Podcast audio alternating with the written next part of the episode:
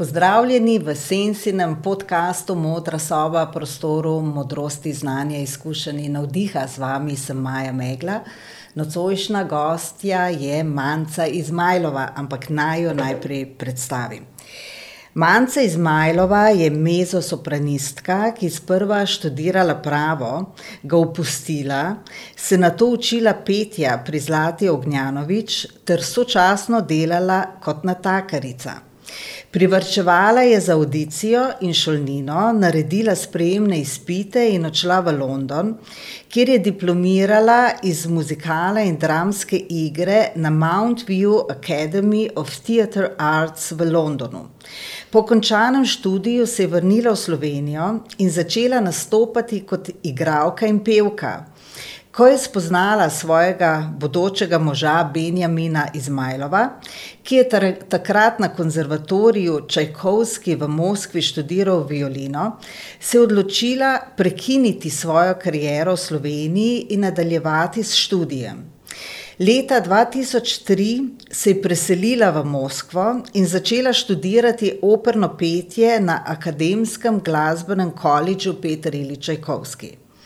Pred odhodom iz Moskve sta z možem, z Ruskim državnim simfoničnim orkestrom kinematografije, tam posnela dva albuma: Slovanska duša leta 2007 in Slovensko srce leta 2008. Nove orkestracije je napisal Slavko Avsenik mlajši. Albuma sta dosegla platinasto naklado, kar je 25 tisoč prodanih izvodov. Poleg teh dveh je izdala še pet albumov. Izvaja operno in popularno glasbo. Njen repertoar obsega več kot 350 klasičnih in modernih skladb. Poje v 25 jezikih in jih tudi več govori: angleščino, italijanščino, francoščino, nizozemščino, nemščino in ruščino. Doslej je imela več kot tisoč nastopov po vsem svetu poučuje mlade in predava poslovnežem. Izdala je knjigo Vdihni življenje s polnimi pljuči, katere velik del je posvečen 13 vajam znamenite ruske dihalne telovadbe po metode Strelnikove. Manca, na vse dobrodošla. Hvala lepa, hvala lepa za povabilo. Sem, sem naredila kakšno napako, pri pletinasti nakladi jih je bilo kaj več. Skupaj, to se pravi, platina sta naklada je 10 tisoč za en album, Aha. tako da ti dva sta bila oba skupaj 25 tisoč.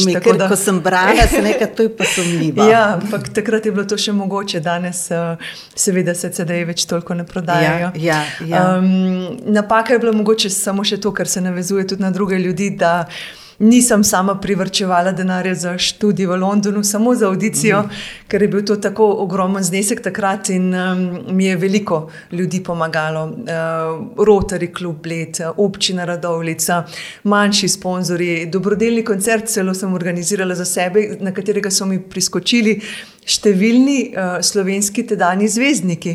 To je bil takrat že Jan Plestenjak, Alenka Goda, Irena Vrčkovnik, Helena Blagne, uh, Braco Koren, cel kup ljudi, mogoče nekaterih tudi ni več uh, na sceni danes, ampak to je bilo res lepo in smo napolnili festivalno dvorano na Blidu. Uh, Tako da veliko ljudi mi je pomagalo, da sem prišla skozi ta študij.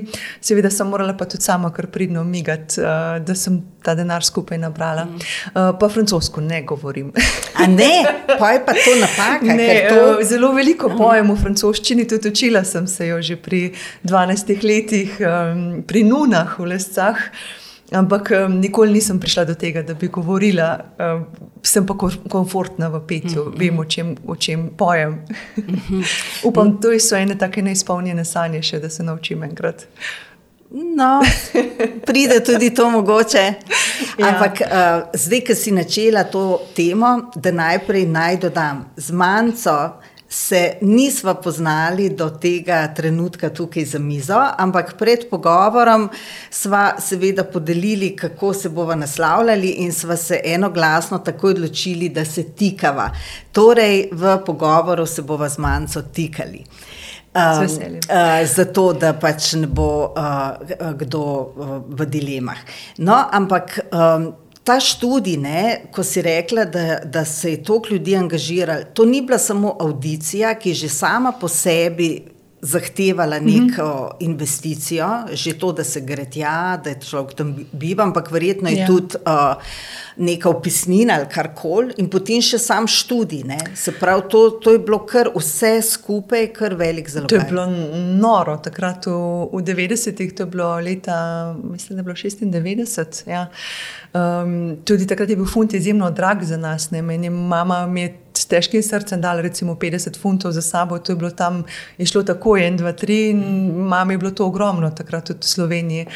Uh, takrat sem se v bistvu naučila, prvič, da se moram sama znati potruditi za svojo lastno srečo, ambicije in želje. In sem morala se naučiti premagovati neki strah, nekomfortnost, uh, iti ven iz komfortne cone, ker seveda nihče ne mara trkati naokrog in spraševati za denar, prositi za pomoč, uh, iskati možnosti. Ampak če imaš močno predstavljene svoje sanje in jaz sem jih imela, um, nekako je to kar šlo. Um, treba je bilo nabrati denar najprej za audicije, to so bile tri audicije, na eni nisem bila sprejeta, na eni sem bila, so me hoteli še enkrat videti in na tisti, na kateri sem se najbolj želela iti, sem bila sprejeta. To je bila neka pač upesnina. Uh, celo leto so imeli audicije, tako da tekom leta, recimo na tej moje šoli, se je približno 2000 ljudi zvrstilo in vzeli so nas na vse programe skupaj 70. Tako da bilo je več programov, muzikal, igra, režija, odrske zadeve. Tako da to je bilo kar precej uh, veliko sip in super, da so me sprejeli, ne? ker do takrat je bil moj talent um, nekako, nekaterim je bil učiten, nekaterim ne. Uh, bila je predvsem zelo močna želja. In tisto leto, ko sem delala kot natakarica, ni bilo samo ure petja, hodila sem tudi k eni čudoviti profesorici na Bled, katere se mogoče še zdaj marsikdo spomni, gospa Dana Renčel. Ona je bila ustanovila baletno šolo Bled in je uh, prve generacije gorenskih baletk gor postavljala. In jaz sem hodila takrat pri 18 letih, uh, z 10-letniki, z 12-letniki na ure baleta, da sem se pač malo naučila v svojem telesu. Tudi ona je privatno delala še z mano, me učila odrske drže.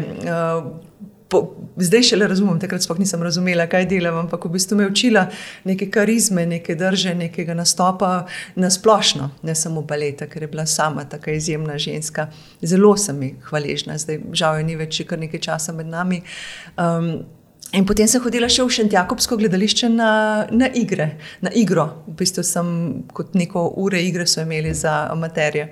Tako da te tri stvari in v kazino na jazz palet. Mhm. Ampak manjka, kako se to vse spletajo? A, a, je, a je bil kakšen tak menik, da, mhm. za kjer ga veš, da se je prebudila ta želja, jaz pa želim hoditi po tej poti, uh mhm. -huh. ali se je to tako počasi sestavljalo, ne nadejano, enostavno uh mhm. -huh. kamenček po kamenček in je vodilo v, v, v to, kar zdaj počneš. Spomnim se, da sem bila 12-13 let stara in sem hodila v glasbeno šolo, in da je bil tako zelo izrazit moment, jaz nočem igrati na flauto, jaz hočem peti. in sem že takrat začela iskati možnosti za učenje petja. Takrat jih je bilo zelo malo, bilo je pač tisto klasično petje. Nada Žgur je bila prva, ki je začenjala z jazzovskim petjem ali pa popularnim petjem. In jaz sem tudi potem pri 15 letih uh, se popolnoma odpovedala svoji žepnini in sem se iz les vozila z avtobusom k njej na ure, da sem se jih nekaj nekako sama do neke mere plačevala. Tako da to je bila prva že taka stvar. Um, pri 16-ih sem po lokalih začela nastopati. Vedno me je nepopisno vleklo v glasbo, vedno me je glasba ganila, bolj kot vse drugo, vedno bila, so bile vse moje misli prežete z njo. Nenehno sem bila ure in ure v sobi in se učila pesmi, prepisovala besedila in nekako v bistvu samo to me je usrečevalo, tako da to je bilo jasno. Ampak potem, ker ni bilo možnosti za neki študij, pač na akademiji, na srednji glasbeni šoli, tako malo mest je, nisem prišla zraven. Iz katerega koli razloga, tudi moj glas, ki je bil zelo drobčkan, ne, ni bil nekaj prav posebnega v tistih časih. In um, zato sem šla potem pravo študirati. In v času študija prava sem šla v celovec uh, si ogledati svoj prvi muzikal. Muzikli so bili v 90-ih zelo popularni, bolj kot zdaj, bi rekla. In uh, takrat je bilo prav tisto, kot rečejo duhovniki, da so imeli svoj klic. Jaz sem imela svoj klic, uh, prav sem imela občutek, da letim sem rekla, to, jaz moram to početi. In v bistvu sem šla potem kot v transu, tudi v zaodrje, čakala na vratih edina, uh, hotela spoznati zasedbo, ki je bila mednarodna. Uh, in potem si je tisti dirigent vzel precej časa za mene, da mi je napisal šole, to še ni bilo niti interneta, nič. Potem sem šla na British Council in še na en ameriški center, ker sem izbirala, kam bom šla.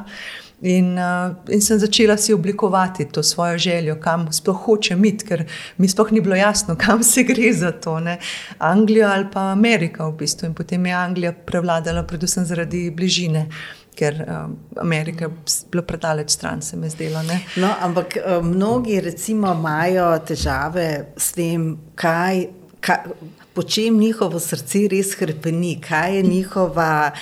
Uh, kako bi rekla, naloga, kaj so njihovi talenti, kjer lahko se najbolj izrazijo in so prispevajo k družbi, in tako naprej. Uh -huh. In uh, nekajkrat sem slišala, recimo, sestra mi je. Um, že pred leti rekla, da sem lahko srečna, ker redko kjeri ljudje počnejo s takim veseljem to, kar počnejo. Skratka, mm -hmm. zavedala sem se, da je to dar, ne, darilo, ja. da enostavno nekateri res počnemo tisto, kar nas nepopisno veseli. In zdaj, ko to poslušam, vidim, da se tebi to rodilo ja. že zelo kmalo. Ampak kljub temu, je potrebna precej, precej odrekanja. Mm -hmm.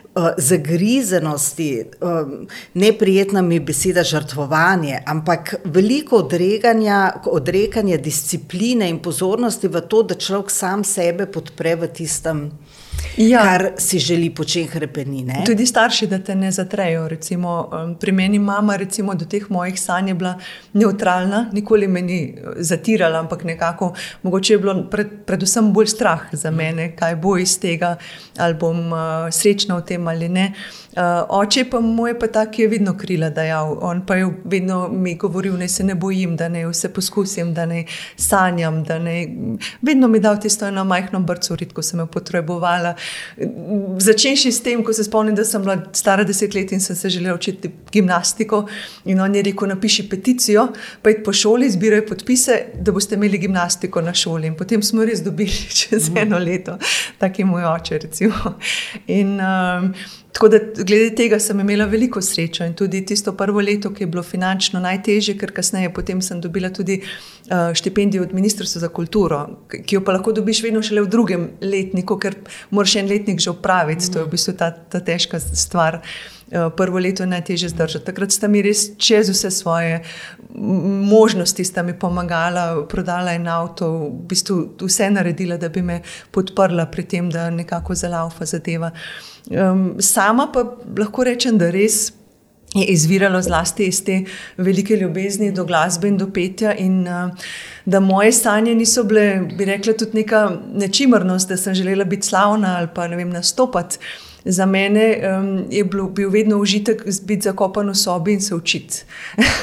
v bistvu to je enostavno početi za sebe, um, se nekaj novega naučiti. In um, to potem veš, da je to res, res tisto pravo. Ne? ker nekateri mogoče se hočejo bolj pokazati, pa ne toliko. Ždeti doma, jaz pač še danes uživam v tem, da, da čistim noto za noto, en takt, da brusim uh, akcent, uh, da iz, 50krat grem besedilo skozi, črko za črko. Več v tem primeru sem mal tak, uh, rekli, američani bi rekli, nerd.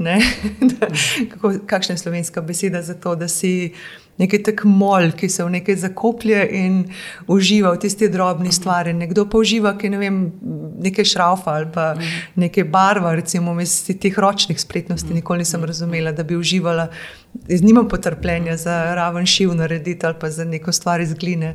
Nekdo pa v tem uživa, ne? Mhm. jaz pa uživam, da v glasbi to delam ali pa v, besed, v besedah. Da...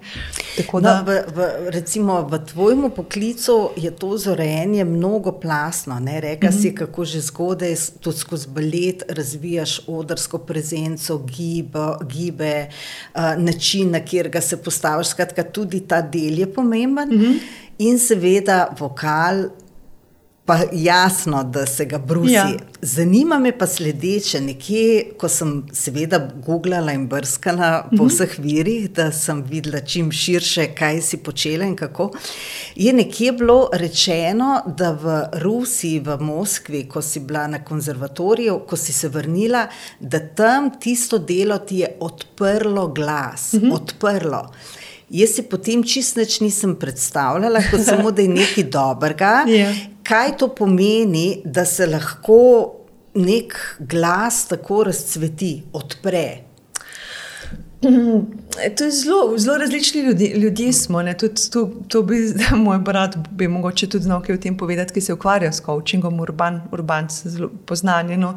On se prav zdaj s to somatiko telesa veliko ukvarja, ker nekateri ljudje imamo bolj zakrčena telesa, nekateri ljudje imajo bolj svobodna telesa. Ne. In nekdo enostavno vedno lahko stopi in zapoje. Ne. Jaz sem bila vedno očitno bolj zakrčen človek in zaradi tega je bil tudi moj glas nekako zakrčen tudi vse sem poskušala nadzorovati, eh, veliko sem pela v sedi, eh, na mestu recimo stoji, in eh, sem se navadila peti samo z grlom. In v Rusiji sem odkrila če le tam, zapravi to kljub temu, da je bilo v, v, v Londonu bil zelo intenziven trening, ampak v Rusiji očitno je bil pravi trenutek za to, ker pravijo tudi, da se nekaterim to bolj pozno zgodi. Ali pa sem imela tako profesorico, ker naenkrat je glas se predstavil v celo telo, uh, vključilo se je telo in glas je postal bistveno večji, kot je bil prej. In to je bilo kar relativno pozno. Jaz sem bila takrat stara že 26-27 let, ne? da se ti takrat glas začne mhm, odpirati. Mm -hmm. In eh, do, do takrat sem mislila, da brez mikrofona sploh ne morem zapeti, ker naenkrat sem lahko pela v normalni dvorani brez mikrofona. Se pravi, da je tudi moč dobil. Ja, pa sem imela tudi recimo, klasično šolo do neke mere v Londonu ali pa pri Zlati Ognjanovič, ampak nekako nisem tega dojela, začutila predtem, uh, ali pa pač gre za neko telesno zrelost, ne vem, hormone, karkoli. Moj glas je nizek, nizki glasovi so znani potem, da se kasneje uh, razvijajo kasneje odprejo. Ne, uh, da, da, ne vem. Ne vem, zakaj.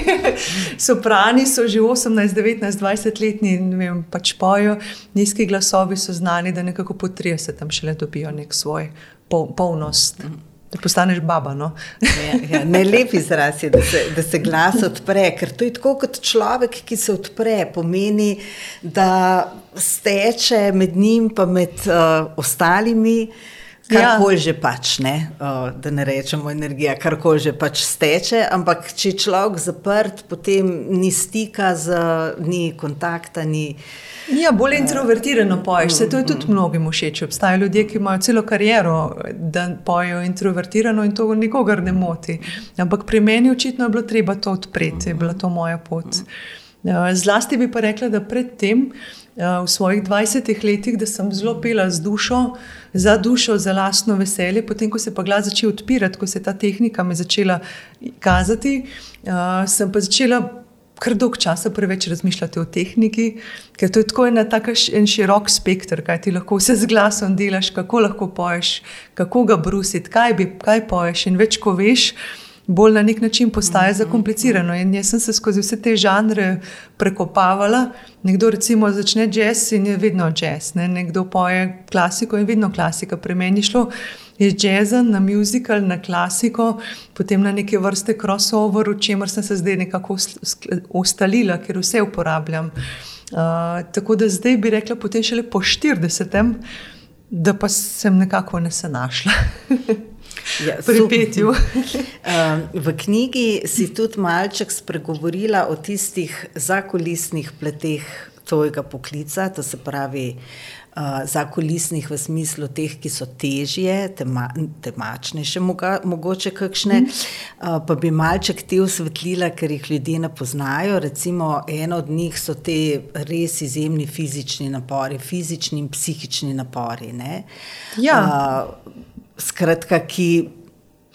Primerljivo je na nek način za športniki, s tem, da športniki grejo zelo mlade, že v penzijo in dokler je telo mlado, tam nekje do 30. leta, tudi vse lažje regulira. Potem, kasneje, sploh pri ženski, zaradi hormonov, je vedno več nekih problemov, tudi psihičnih preprek. Uh, vsakeč, ko greš na oder, je to stanje izjemnega stresa. Uh, lahko se tega zavedaš, lahko ne, ampak v bistvu ti vsake mija te, te plane mm -hmm. gor, uh, sladkor se poviša, adrenalin se poviša. Um, Cel kup enih stvari, in če imaš veliko koncertov, si dobesedno iztrošen, ne, ne samo uh, psihično iztrošen, ampak si fizično, ker se ti pač. Uh, vse v telesu gre na, kot da bi bil ne vem, na nekih olimpijskih igrah po zahtevnih koncertih in potem spet dol pade. Tako da moraš to nekako se naučiti razumeti in znati tudi kompenzirati, regulirati, drugače se to pozna na glasu. Uh, v mojem primeru. Uh, Kar, kar je meni najbolj bremenilo, niso bili čisto samo koncerti, ampak zlasti ta organizacija. Ne? Ker z možem nikoli niso imeli agentov, in so bila vedno upletena v organizacijo. To pomeni, mož je delal neke svoje stvari, vezane na organizacijo. Jaz sem večinoma delala oglaševanje, eh, kontakt, včasih prav direkten kontakt za, za prodajo stopnic. Od tega, da sem vem, rihtala golaž za orkester sama, um, vedela vse, ki bodo plakati, kateri bodo, vedela, kako gre dinamika prodaje. In to je zelo težko breme za nositi, če moraš iti potem na oder. Ne? Če veš, koliko je, ali se karte dobro prodajo, se ne prodajo dobro. Tako da meni ta kombinacija je bila najhujša. Um, sedem dni na teden, enkrat zgodaj vstajati, enkrat pozno iti spat, vse skupaj se je držalo in to je bilo tisto, kar recimo, je bilo meni naporno. Uh, potem je pa še pač ta neka dinamika karijere, neko pač kot je prvič rata.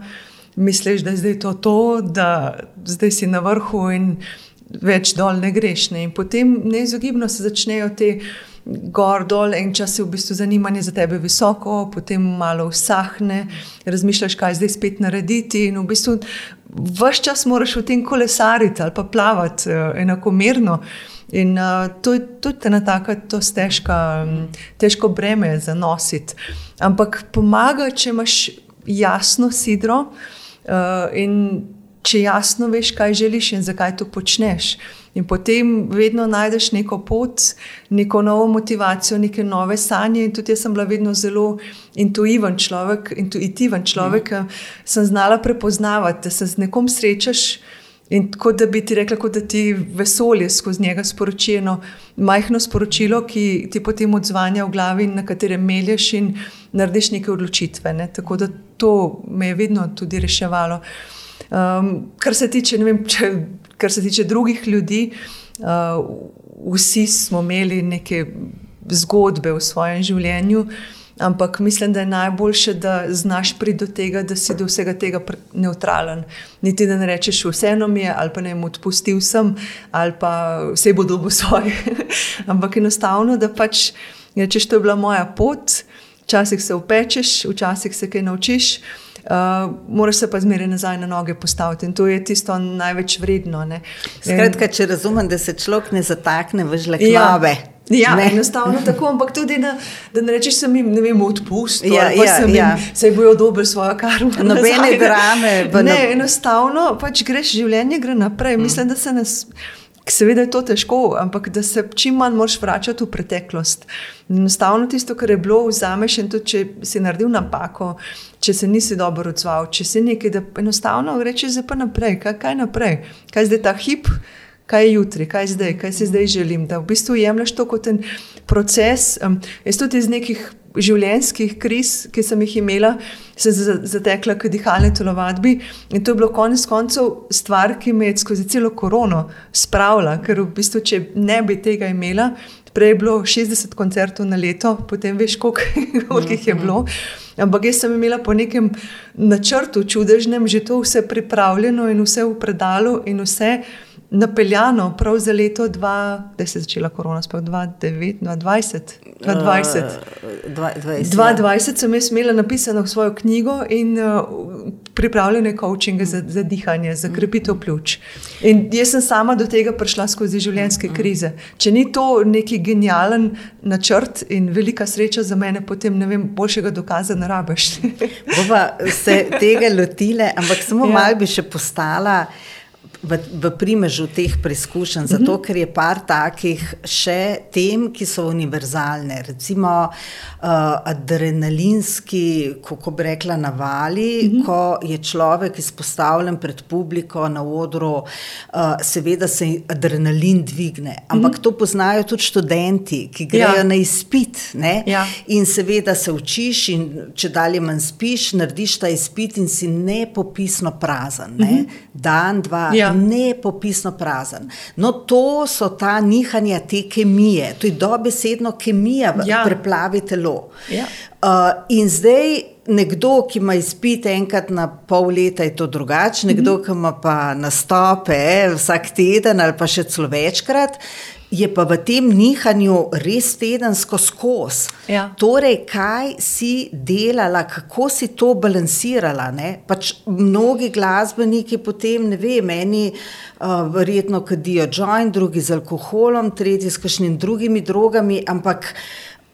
Ne, neki, neki, neka pomoč od zunaj se v nekih drugih žanrih lahko to počneš, seveda. Ja, ja, ja. Um, v mojem, ki se zahteva čist glas, resnično mm. tega ne moreš. Čeprav bi res uh, včasih po koncertu bi res najrajši naslednji dan, ne vem, eno flašo viskija spila, pa pol še dan zatem, zato da nekako se še držiš v enem takem mhm, umetnem mhm. stanju. Um, kot sem ti prej rekla, pač moraš točno vedeti, zakaj to počneš in stvar, ki je mene vedno vedno reševala, zdaj že kar nekaj let, um, so bili majhni koncerti. Uh, v bistvu, veliko krat so nas spraševali, kako tako umetnika, kot ste videli, pride v našo vas, ne, ne vem, v našo šolo, v našo vem, kraj, ki ima 500 prebivalcev, ali pa v domu pokojnicev, ali pa kamorkoli. Seveda, ja, seveda tudi nekaj malega zaslužiš, ko priješ tja in ne, ne greš za ston. Tudi to je nekaj vredno in pomeni neko tako cirkulacijo finančno, kar je tudi v redu.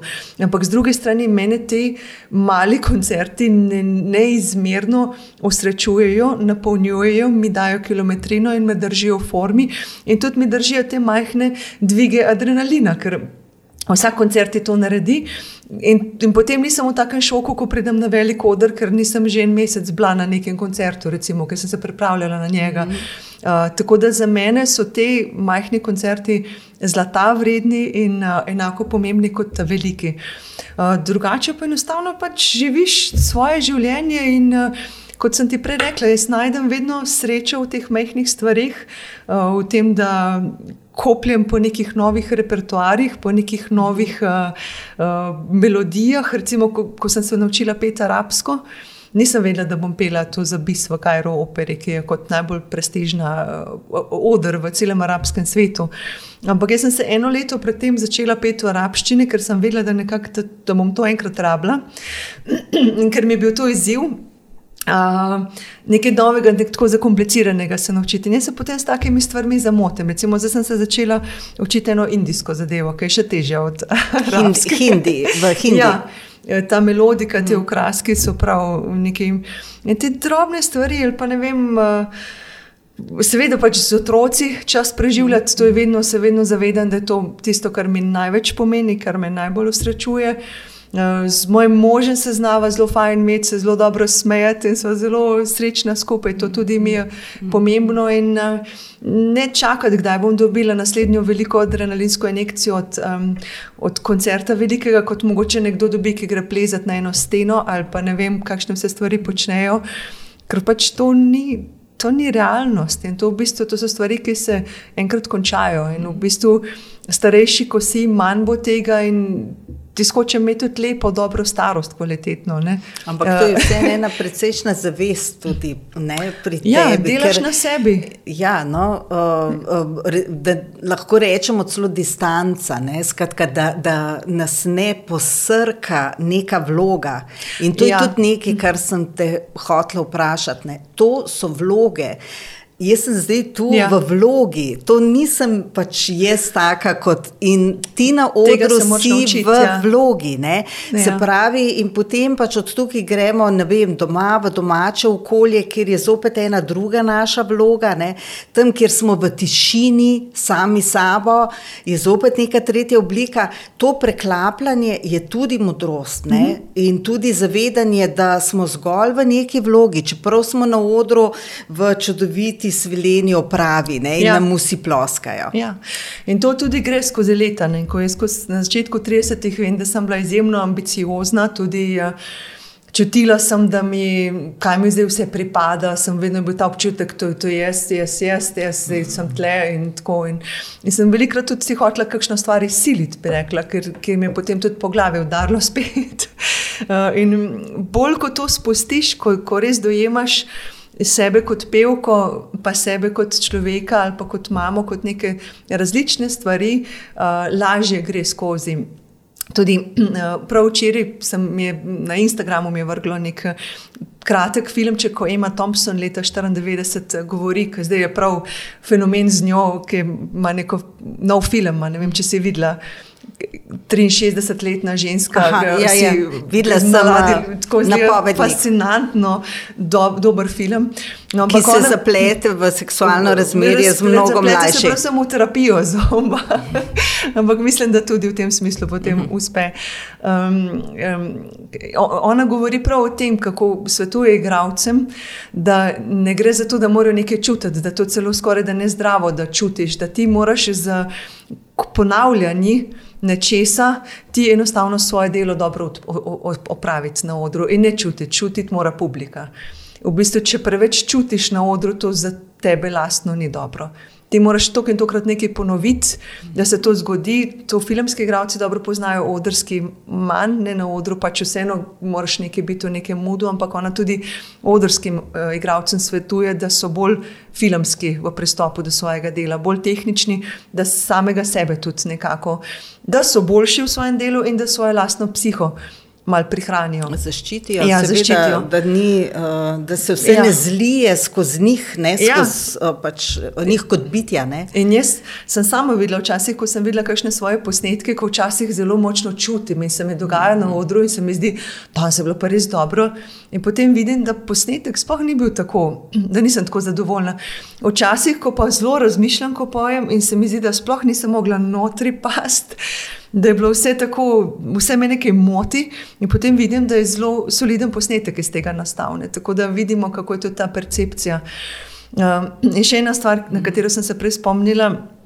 Ta neskončni občutek hvaležnosti in nenehno, ki ga jaz namerno gojim, uh, bodi si s tem, da se zjutraj zbudiš in si zdrav in ti vse štima v domu, uh, bodi si tega, ne vem, da zvečer utrujena kuham večerjo za svojo družino ali pa likam ali pa kaj takega počnem in da rečem, kakšen izjemen privilegij in sreča, da to lahko jaz zdaj ta hip počnem in da imam te ljudi, za katere lahko to delam in ki me imajo radi in ki so nekako moji. To se pravi občutek hvaležnosti, ko utrujen delaš hišna upravila. Uh, take stvari te držijo popolnoma normalnega in srečnega. Odre je pa pač delo. Ja.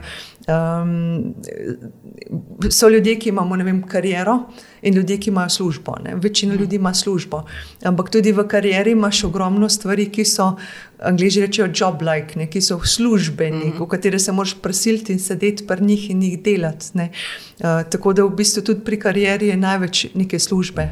Edino pač, da si to službo res sam izbereš in veš, zakaj to počneš. Ne, ne samo zato, da dobiš plačo, ampak zato, ker res nekaj hočeš povedati, ustvariti in to je velika sreča. Ja.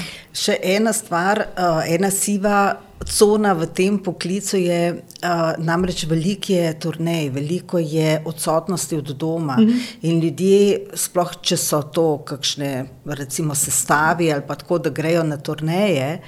Se zbujajo tako rekoč skoraj vsak dan v nekem drugem mestu, v neki drugi hotelski sobi, um, z ljudmi, ki so njihovi sodelavci, ampak to niso, niso intimni krogi. Ja. Ne, je dosti neke verjetno osamljenosti. Mm -hmm. In zdaj, a si to tudi doživela, oziroma si to izkusila, oziroma poznaš svoje kolege, ki so, ne? kako se to nekako balansira, uravnoteža. Ne? Očitno pač na mojo srečo v življenju, ker kot moj, moj mož vedno zelo rad govori, vsaka stvar ima svojo ceno. In ne vem, če pač mm. mogoče težko dojamemo polni smisel tega. Um, kakšna je cena za neko res svetovno slavo, kakšna je cena za, za neko res uh, milijonsko, milijardersko bogatstvo v življenju, kakšna je cena za to. In to, mm. če res pomisliš, da bi to hotel imeti ali ne. Uh, Um, jaz mislim, da sem zelo zadovoljna, tako kot je. Nikoli nisem imela tako velike karijere, da bi morala iti vem, za en mesec v New York, pa za en mesec v Avstralijo, pa potem priti za dva tedna domov, pa potem spet za en mesec vem, v Moskvo. Tako kot recimo delajo ti uprni pevci, svetovno priznani, ki so res v teh postavitvah in jih nič ni doma. Um, pogovarjala sem se kar s kar nekaj svetovno znanimi glasbeniki, ki imajo ali pa so imeli tako življenje, mogoče zdaj, da so že v penziji. In večinoma vsi obžalujejo teh let, nimajo v lepem spominu, uh, videli so cel svet, ampak so pač v stresu sedeli v svoji sobi, čakali, da bojo šli na oder.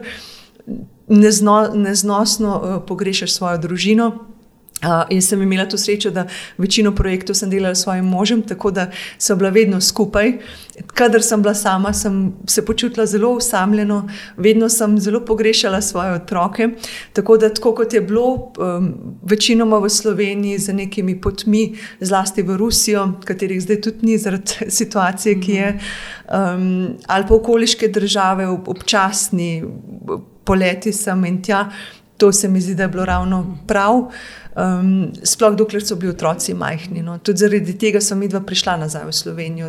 Sva se vrnila iz Moskve, ker so želela, da živijo na vasi, da imajo babice in detke blizu, da, da imajo neko normalno otroštvo in da tudi imamo midva neko varno okolje, kjer jih lahko postiva, kjer so. Um, tako da jaz sem zelo zadovoljna tako, kot je bilo, in ne bi hotela imeti več, ker res vsaka stvar ima ceno.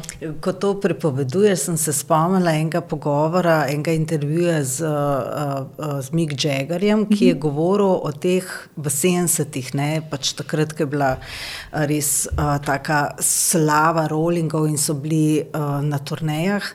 In Paul v tem intervjuju tako zelo odkrito srčno govori o tem, kako je bilo to najbolj grozno obdobje za njega, zato ker so bili recimo v New Yorku, ampak niso mogli iti ven iz hotelske mm -hmm. sobe. Ne? In pol pač ta, ja, ko ga vpraša, zakaj pa niste šli, in pol on, ja, nismo mogli, ker je bilo zunaj toliko in toliko vrščečih ljudi. Mi mm -hmm. nismo mogli, mi nismo imeli te svobode, ja. da bi bili v enem mestu in bi si šli ogledati karkoli pač že tam je. Ja. V hotelski slavni, občudovani, oboževani, ampak mm -hmm. zaprti v neke hotelske sobe, zato ker logistično ni bilo izvedljivo, da grejo oni na sprehod. Ja. Ja. To je ta temen del, ki ga ljudje enostavno prezremo. Kaj ja. imamo, da gremo lahko v Tivoli na sprehod? Recimo, Se vidiš, recimo, tisti film, tudi Zvezda je rojena, Star ja. is Born ne? in podobni filmi, kako je vedno najlepši film do takrat, ko nekomu uspe. Hmm. Komu uspe, njegovo življenje ponovadi postane precej bedno, dosti ja, krat. Ja. In uh, le redki znajo to kombinirati in voziti neko normalno življenje. Se vidiš na svetovni sceni, igravce, glasbenike, tiste, ki so nekako se ustalili, Barbara Streisand, ne bili srečno mhm. poročeni, uspeli voziti neko normalno življenje, Sting tudi, ne, ali pa ne vem, Colin Firth. Nek, nekdo, ki, imel, ki ima dolge, dolg zakon, ne vem, srečno družino, živi nekje izolirano od tega urišča. Drugi pa žrtvujejo svoje življenje. Seveda, moraš biti pa precej poduhovljen in tudi inteligenten človek za kaj takega, ker nekaterim se slava preprosto zgodi, ker so izjemno talentirani od narave ali pa so bili v pravem času na pravem mestu enostavno niso sposobni s tem uh, se soočiti. In potem imaš ljudi kot je vem, Whitney Houston in, in ogromno takih, ne vem, ultra George Michael, ultra talentiranih, ki jih slava enostavno povozi, požre, ubije in pač mladi odidejo od nas. Um, Preko si omenila Rolling Stones, no, ni poznano dejstvo, ampak moja sošolka iz uh, Londona je poročena z enim od uh, Rolling Stonesom. no, to je koincidenca. Mislim, da nisem že nikoli javno rekla. Um, Ronnie Wood, Aha. njihov basist. Uh, ima, lahko pogledate, ima mlado ženo, relativno mlado, in tudi je dobil pri 70-ih dvojčke z njo. In kolikor jaz vem o njunem življenju, um, ona je zelo tako stroga. On potem ni več uh, pil, tudi se ni več alkohola dotaknil in uh, dosti tako zdravo živita in kot pravijo prijatelji, uh, precej srečna no, v tem nekem zdaj normalnem življenju. Ja. On se tudi zelo realizira skozi slike. Um, ona pa fanatično se ukvarja z maratoni, plavanje čez kanale in ne vem, kaj se mogoče tako, da sta našla nek modus vivendi in zelo veliko srečnih trenutkov z otroci. On jih ima zdaj Upozno v življenju, ko ima spet majhne otroke, ampak je dobil še eno priložnost. Ja, ampak je ja. pač najdel neko sidrišče. Ne? Mi smo ga ja. srečevali na, na Beneških bienalih. Ne? Ja, kot slikar. Ja, pač ja. zelo uh, gost je bil in seveda se je takoj razvedel, da se sprehaja tam po Džardinih. Mm -hmm. pač, uh, po svetu se je vizualni umetnosti ne? in jo tudi ja. intenzivno spremljalo. Tako pač um, mnogi potem najdejo neke druge kanale male mhm. sidrišča, mm -hmm. kjer si oddahnejo od ja. tiste norosti, te neke slave in vsega, kar ja. uh, pride s tem. Ne? Predvsem pa kako ljudje spodnese to, da ta vloga, ki jo igrajo mm. za javnost, postane tudi del njihovega privatnega življenja ja. in se čist več nič ne znajdejo v tem lahko. No. Ja. Ampak um, še ena taka reč je, ki je tudi zelo pogosta, ne, sploh takrat, ko ni nekdo prodrl še do prvih mest, ne, mm -hmm. je negotovost. Ne. Mm -hmm. To je izjemna negotovost v tem poklicu. Ne, negotovost in to, a bom angažiran, a bom imel navdih, a bom mm -hmm. naredil dober dober projekt, da bo ta res dobro sprejet. Skratka, to je ogromno enih dejavnikov. In Ganil me je v knjigi, kjer pišeš o svojih prijateljih, znancih v New Yorku in v Londonu. Recimo v Londonu, ne vem, so prijatelji, znanci, so vse ljudje, ki so v muziklih. In so na odru, in fantastično dobro dela tista predstava, tisto leto. Naslednje leto niso angažirani, postanejo natakari, mm -hmm. da preživijo tisto sezono in zopet iščejo naprej poklice. To, ja. je, res, to je res, res. In teže starejši, kot si teže je. Ja, ker v bistvu tisti neki vrhunec vsega tega je okrog 30 let, cel svet obožuje in hoče imeti uh, okrog sebe 30-letnike. Um, v New Yorku, kot tudi omenjamo v knjigi, nekateri, ko dobijo vlogo, ne upajo se vzeti dopusta. Dokrvavite v grlu, pojejo ljudje, si dajo injekcije v vrat, hormonske, ki zmanjšajo teklino, recimo na glasilkah, če si bolan, da lahko potem prepoješ. Ampak s takimi stvarmi, uh, poznam konkretno eno žensko, ki je toliko tega delala, da je potem po 40 letu iz svetovne slave oprne v bistvu izgubila glas, ne, za zmeraj. Čez zmeraj, ko pač pravijo glasilke, ko so kot perilo uh, za žehto, ko se enkrat nekako popusti, več ga ne moreš napeti. Tako da, če Ampak to delaš. Do takrat je pa delala umetne posege, zato da ni rabila oditi iz odra, ja, da je zato, bila ker, v pogonu. Ja, zato ker dosti krat, recimo tudi pri, pri opernem petju, ti, ki so čisto v prvi liniji, tukaj zelo veliko uporabe nekih eh, hormonov in tega, recimo pri ženski testosteron, če dvigneš, dobi veliko več moči.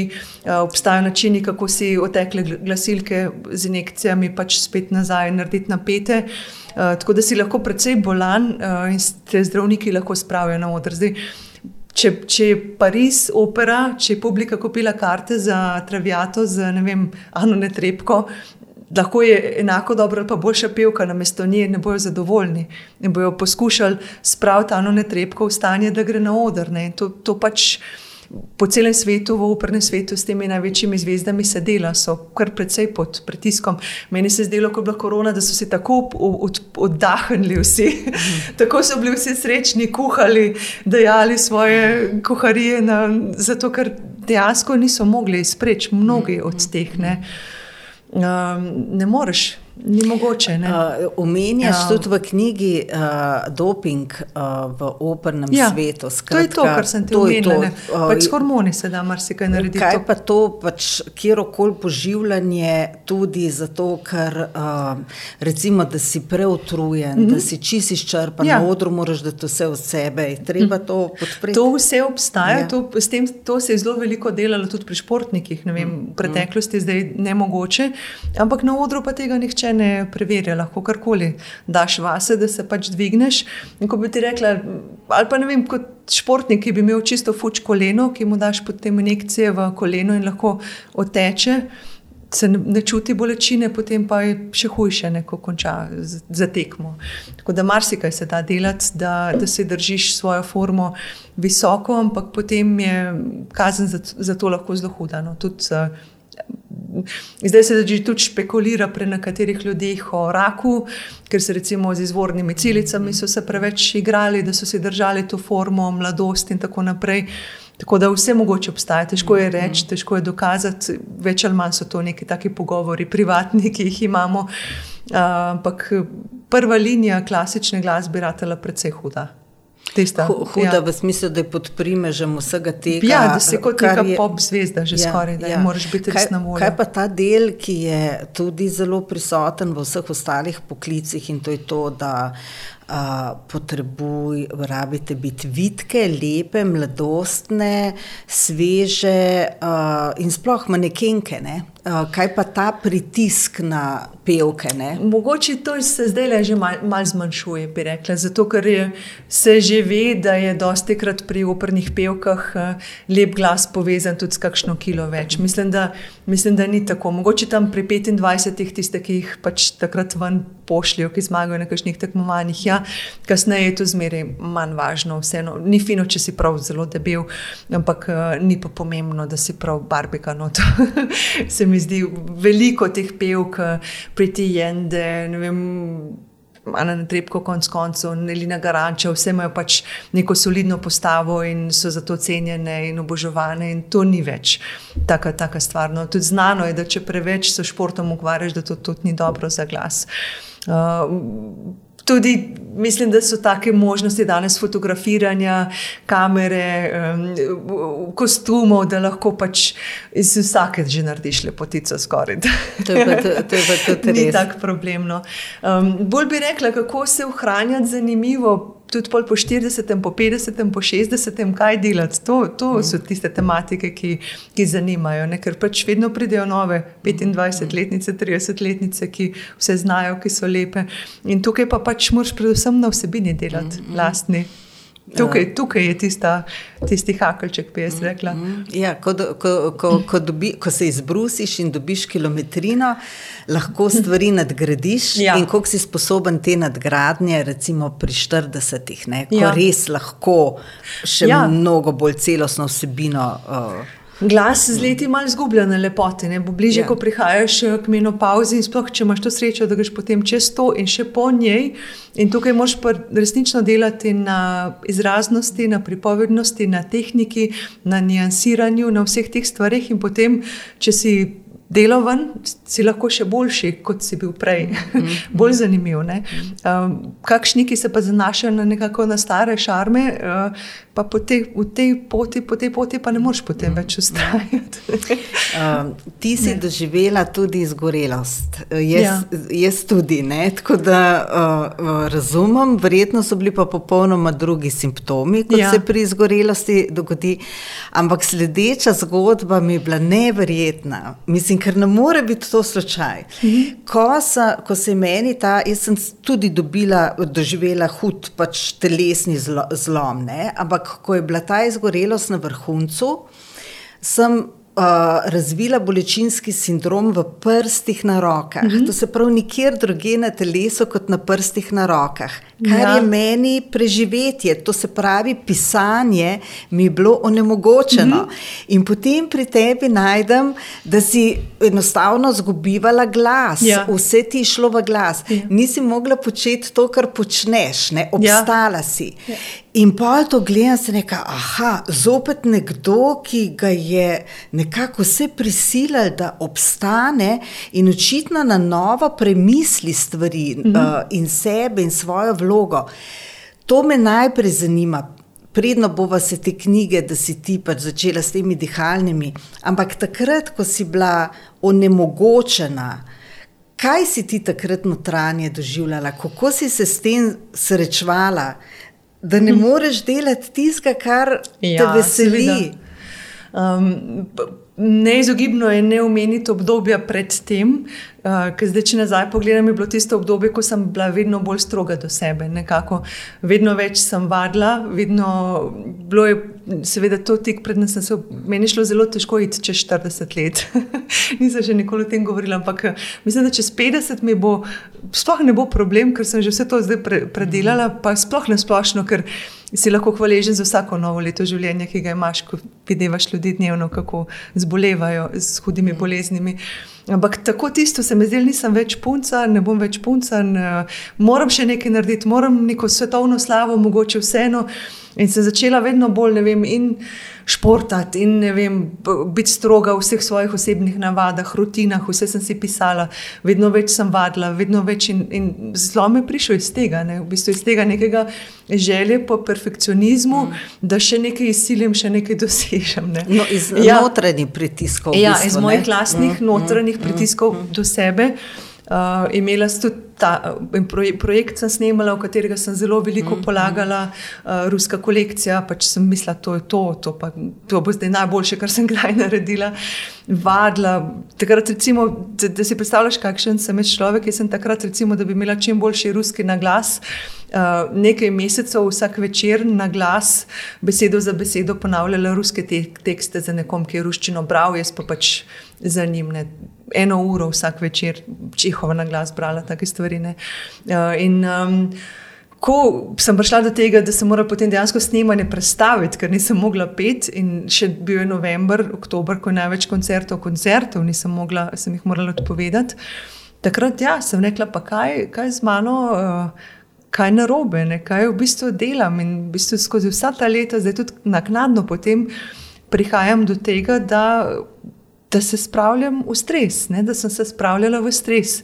In ti lahko še tako zdravo ješ, vem, veliko vadiš, veliko športaš, če si vse čas noter v krču, v stresu, ne bo to dobro, ne boš bolan, ne boš dobro delal svojega dela, boš se slabo počutil, boš siten, boš uskipljiv, boš slabo spal.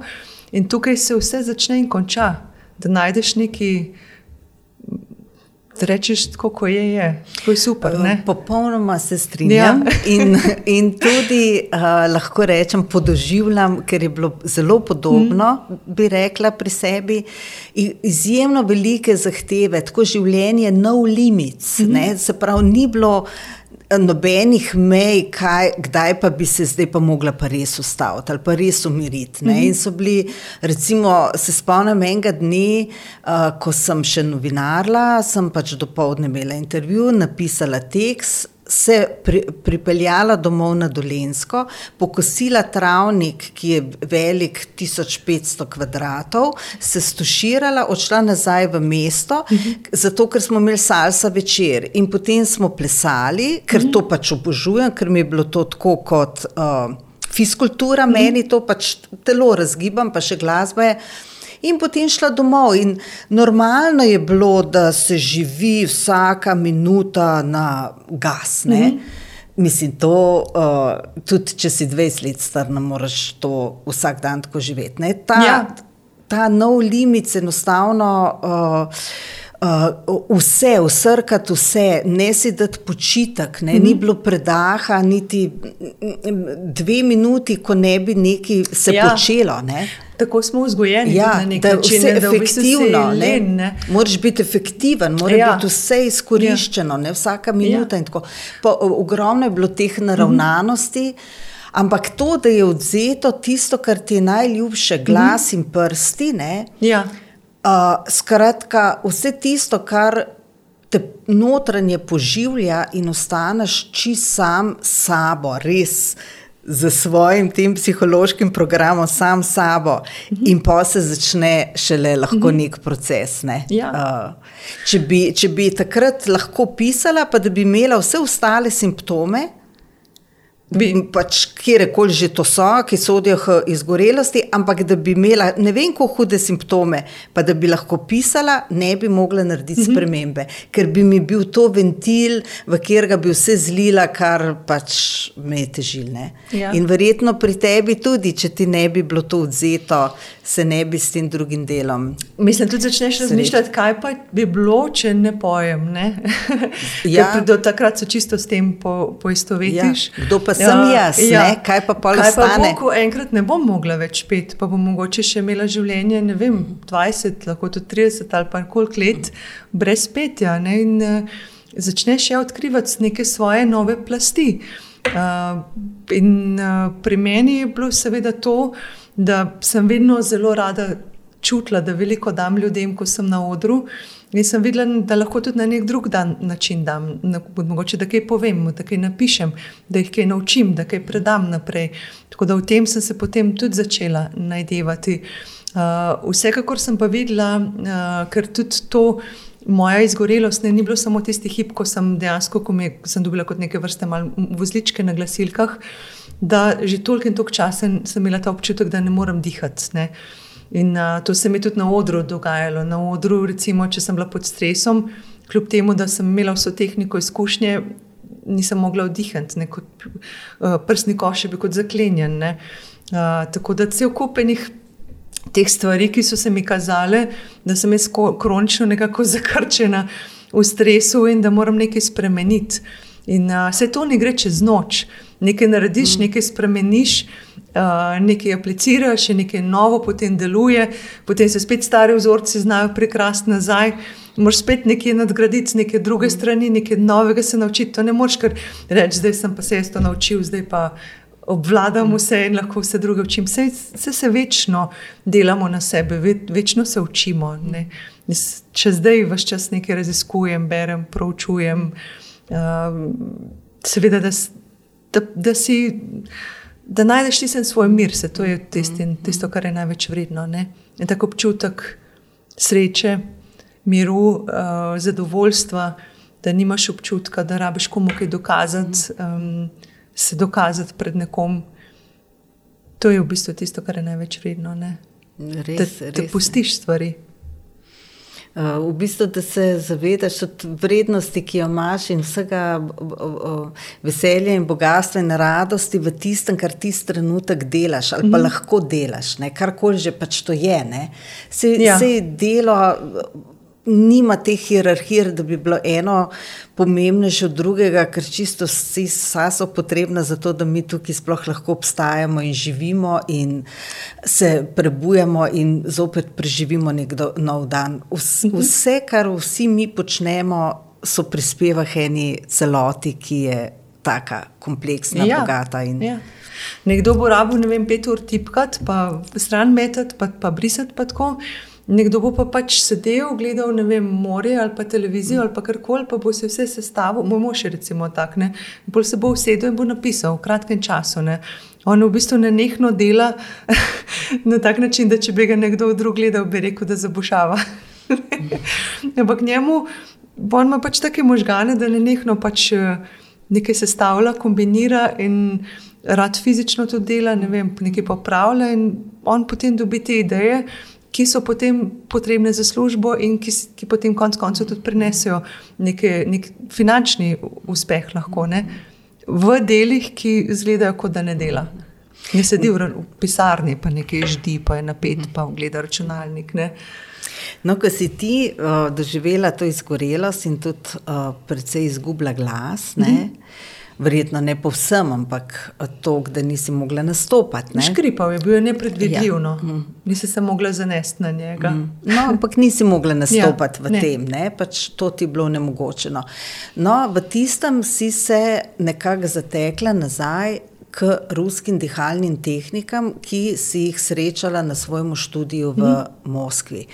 Uh, kako ti je sploh nekako pripeljali, da si se ravno na ta del tako uprla? Je bilo to čisto intuitivno, ali si začela, pa si videla, kako ti dobro dene in potem ustrajala naprej? V bistvu sem uh, pač googlala tematiko, kako si povrniti glas. In, uh, sem nenehno, ne zelo rada googlam, v, mislim, googlam, niti ne googlam, ker je to Jandeks, ne, mm. v ruščini, ker dobiš čiste ne druge članke, druge, uh, druge vire informacije, mm. kot jih recimo anglosaksonski uh, viri dajo, ki je tudi zelo nekako hier, hierarhično drugače razporejeno, da že sploh ne najdeš stvari, doskrat, ki bi jih hotel, um, ti komercialno gor stvari teščijo. Mm. In um, se mi je nenehno vračalo na, pač na to metodo. In tako da jaz nisem izhajala iz tega, da sem izgorela, da rabim neko širšo pomoč. Jaz sem v bistvu iskala samo, kako si svoje glasilke nazaj postaviti. Ne, kako bi rekla svojo uh, špago za žehto nazaj, brezhibno napet. Mhm. in uh, dejansko pa če do danes. Um, ko že veliko stvari vem na to temo, uh, ni metode, ki bi hitreje pomagala pri težavah z glasom ki jih ima veliko ljudi. Uh, veliko ljudi ima tudi, ki niso poklicni, karkoli pevci, igravci, imajo neke majhne glasil, vozličke, govorijo hripavo, govorijo z naporom, nekateri imajo eno glasilko, delujočo, celo vse živo, zdaj srečujem. In to vrstna vadba ti enostavno glasilke pozdravi nazaj. Jaz sem to začela pač seveda po svoji stari navadi, ki sem imela, imela veliko časa, delati to do onemoglosti, zelo veliko. Ampak hvala Bogu, da v tej stvari nisem mogla preterati, ker ni bilo nič eh, slabega. Teh vaj ne moreš delati uh, dolgo časa, veliko na začetku. Uh, to sem tudi jaz potem, ko sem delala svojo metodo, pa zdaj, ko ljudi učim, zelo upoštevam, da veliko ljudi bo takoj vrglo puško v koruzo, ker, ker na začetku takoj prideš eh, v neko izčrpanost, se ti v glavi vrti, ni ti prijetno, je čudno. Ampak jaz, ki sem imela čas, ki sem bila doma, sem uh, enostavno delala tako vsakih pet minut, pa spet malo, pa spet malo, pa spet skozi cel dan. in s časom sem pač dobila to vzdržljivost, da sem lahko dolgo delala. Uh, in potem vse ostale stvari, ki so prišle, so bile kot stranski produkt za mene to, da sem začela boljše spati, da sem nekako dobila več energije, da sem ugotovila, da kar naenkrat ni več teh težav z dihanjem, da s časom ugotovila, da je moj imunski sistem veliko močnejši, da nimam alergij nobenih, ker prej me zelo cvetni prah motil, pa hišni prah, tudi imam manjšo alergijo. Cel kupenih teh stvari se je raztopilo in je šlo stran. Um, glas pa je pa imel radikalni preskok, potem ko sem šla spet na oder. Ne?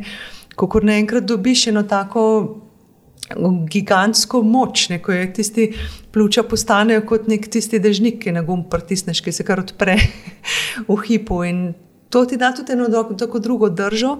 Uh, istočasno sem, sem proučevala tudi držo, Aleksandrovo tehniko, to je ena druga metoda, uh, britanska, katero sem se v Londonu učila, uh, ki pa tudi uči, um, kako zavestno sprostiti napetost v mišicah z različnimi načini, ne? z ležanjem, z sedenjem, kako najti tisto svojo pravo naravno držo. Tako da sem v bistvu te dve metodi skupaj dajala in um, ti prišlo potem do tega, da je nastala knjiga, da sem sebi pomagala. In, uh, Tudi ni nekaj takega, kar narediš, pa bo potem zavedno držalo. To moraš skozi pomalem še vedno početi.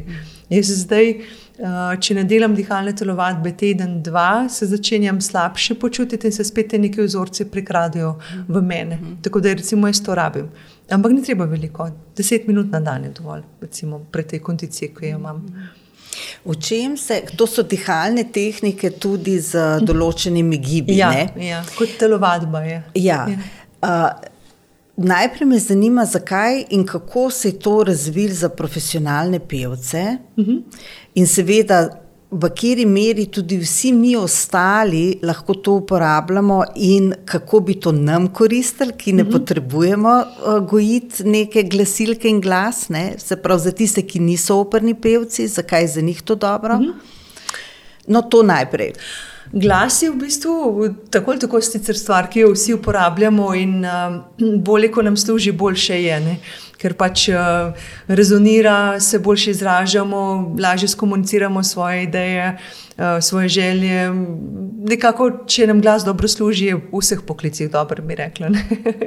da je odprt in močan in se ne utrudi, in da smo glede tega brez nekih uh, kompleksov in problemov. Uh, Um, kako je do tega prišlo? No? Pač, um, metoda je bistveno bolj stara, kot, uh, kot se zdi, bazira na metodi altajskih menihov, ki so delali to vrstne vaje že skozi stoletja. Uh, ta metoda, prav v bistvu pravijo, je paradoksalna metoda, ker dosti krat nekako dihalne metode napolnjujejo pljuča, pa potem izdihuješ, pa gre vse nekaj počasi, pa šteješ, pa prav ta moč se pridobiva z, z napolnjevanjem pljuč, tukaj pa v bistvu hkrati, ko vdihnemo, stisnemo prsni koš. In je, zato je paradoksalno, ker v bistvu ne pridobivamo moči z odpiranjem, ampak z noter se zgodi to, da se zapre. Ne? V bistvu vse, vse se nekako stisne, ko to naredimo, ta gib. Ampak zaradi tega se zelo hitro ukrepijo mišice. Uh, V bistvu pljuča se zelo, ko bi rekla, razgibajo, postajo, postanejo zelo prožna.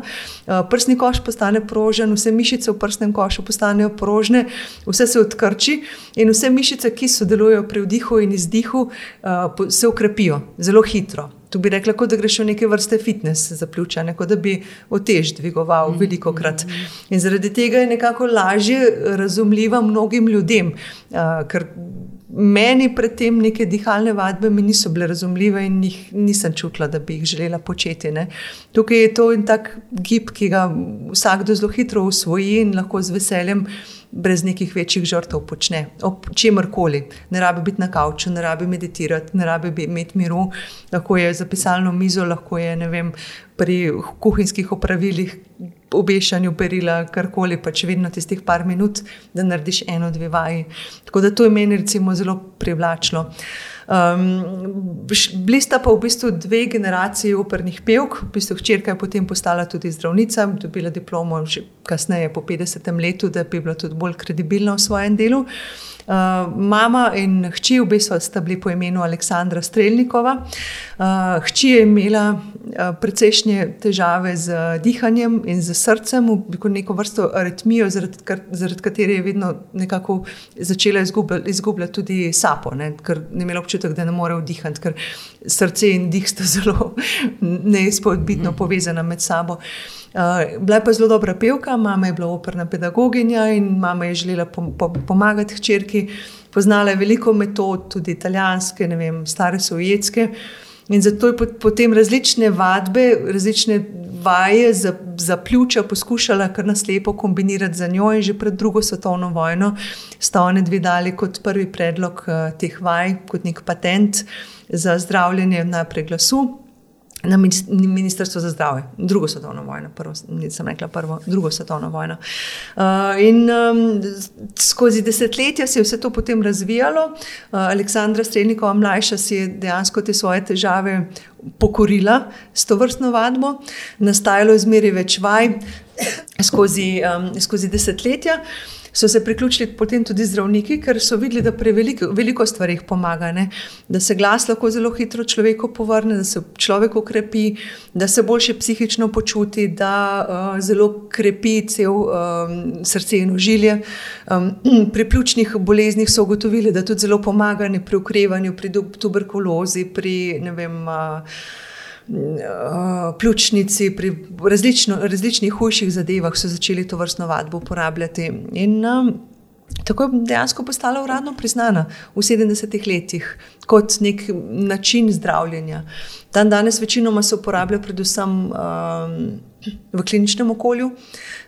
Se zdravi z njo, se pravi, uradni zdravniki, ki so šolani, da tudi recimo, to vrstne vaje, vaje dajo različnim Nekaj, ja, zdaj boš.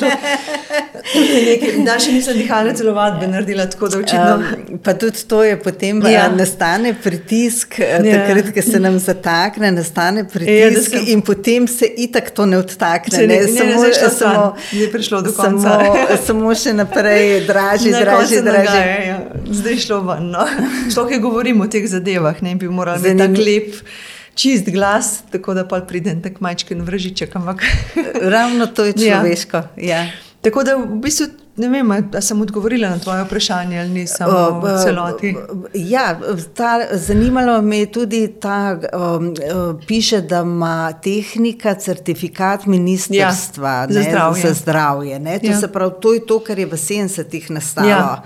Uh, Tako da se uradno v kliničnem okolju to uporablja, tudi klinično bilo testirano, pri astmi, recimo, uh, če zdravnik seveda je k temu nagnjen in se želi to uporabljati. Ampak veliko stvari uh, zdravijo s to pomočjo dan danes. Uh, prav bi rekla, recimo, stvar, ki, je, ki, ki zahteva zdraven zdravnika, je um, zadeve, ki, imajo, ki so vezane na srce in ožilje. Sprav visok krvni pritisk se ga da izjemno dobro regulirati. Uh, psihiatri um, uporabljajo to pri zdravljenju, ker je znano, da motnje razpoloženja so zelo povezane s tem, kako dihamo z našimi dih, dihalnimi vzorci. In pa seveda pljuča ne? ampak moraš malo vedeti, kaj se notri dogaja, kaj je v njih zdaj. Čisto naslepo ne moreš človeka zdraviti in gledati. In tudi meni, ko se obrnejo ljudje, ki imajo kakšne zdravstvene težave, jim takoj rečem, lahko delate, ampak morate vprašati svojega zdravnika, če vam dovoli to vrstno vadbo. Ker načeloma ni omejitev. Um, ampak vseeno jaz ne poznam medicine, da bi lahko, če ima človek neke težave, da bi mu lahko svetovala. Edina omejitev, ki je, so recimo, res, če je zelo visok uh, pritisk pri človeku, ali pa um, če obstaja možnost notranjih krvavitev, to se pravi po kakšnih operacijah, pa tako naprej. Ne. To je potencialno, ni, ni varno. Mm. Pa tudi pišemo v svoji knjigi, no, katere še so tiste stvari.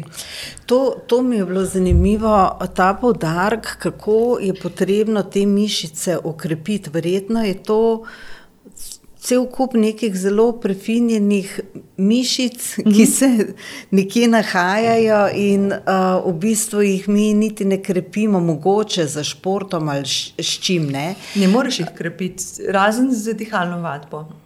Tudi če si športnik, če, če zelo veliko se gibaš, uh, to so skrite mišice, ne? recimo preponska mišica, ki je napeta pod. Uh, pod rebri, uh, kot je tako, včasih rečem, testo za pico od spodaj, ko vdihnemo, se spusti, uh, oziroma se nekako napne, ko izdihnemo, se spet nazaj ozravna, kako dol in gor, vse čas hodi. Preponska mišica pri dobrem dihanju pri odraslem človeku bi morala iti za 7 cm dol in gor, pri večini ljudi ždi na mestu. To ti že vse pove, ne, kako, kako smo zakrčeni in kako skozi leta, zaradi različnih faktorjev, naš polni dih, ki nam je recimo zdravim dojenčkom položen v zipko, izgubimo. Um, zaradi stresa v veliki meri se naučimo zadrževati svoj dih. To se pravi, da nam kar cel prsni koš in cel ta del začne stati enostavno na mestu, in seveda potem te mišice tudi hirajo, ker niso uporabljene tako, kot bi morale biti. In potem po 40 letu, tako kot vse druge mišice v telesu, tudi te mišice slabijo, uh, jih je zmeraj manj, tako kot so noge, roke, to gremo potem lahko na kolo ali pa v fitness. Tem mišicam pa nihče ne pomaga. Ne? Notranjim. Uh, alveol pljučnih imamo vedno manj, tam se zgodi izmenjava plinov, ki so tudi ključne, z leti se jih vedno manj dela. Tako da je cel kupenih teh uh, faktorjev, zakaj vedno slabše dihamo. Začne se to pri nekaterih ljudeh že v otroštvu, ker ta psihološki stres, Se sploh ne veš, ali si ga imel, ali nisi imel, lahko potem nazaj koplješ, ampak že otrok, veliko krat ga je strah, je v napetosti, ne ve, kaj bo, začne zadrževati. Najstniki, potem še bolj in odrasli ljudje, pa sploh, mislim, praktično skoraj da vsi do neke mere zadržujejo, ker dihanje bi moralo biti pretežno skozi nos, dihanje bi moralo biti počasno, ritmično, enakomerno in uh, pri večini ljudi je neritmično plitko, prehitro uh, in preveč skozi usta. Ne bom rekla skozi, odvi, odvisno od situacije. Uh, tako da to so v bistvu pa še sedenje, ne na njih, zaradi tega, ker večinoma, prva stvar, ki jo rečem ljudem. Ne, če sediš tako, večina ljudi sedi malo tako, da ima malo rebra dol pritisnjena. Ne. To pomeni, da rebra pritiskajo proti popku in uh, že enostavno, če si če se večkrat na dan spomnimo, da si rebra odlepimo stran od popka, da damo temu tukaj prostor ne, na, tem, na tem delu, da ima preponska mišica spet možnost, da se začne premikati. Ker če smo tako, pa je to majčken gib, ne, niti ni treba, smo pretirano sključeni, ampak samo da imamo ta del zaklenjen, že pomeni, da se tukaj začne dogajati, da ta, da ta del krča. Zelo važno je iskati neko zravnano držo, skozi cel dan, sploh ker toliko sedimo, uh, ker sta tudi dihanje in zdravljena drža tako zelo povezana med sabo. In um, zato je meni ta vadba tako všeč, ker je. Ker, Ker odkrči vse skupaj, ne? ker prav te, tudi lahko, tokrat sem že pokazala, mogoče so ljudje že videli, ampak delamo te.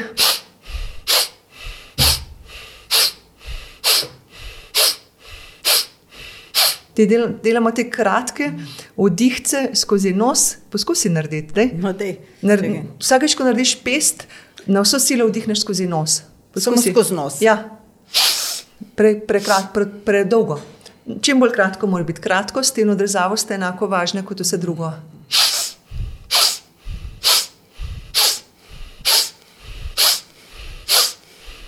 To je recimo osnova teh vaj.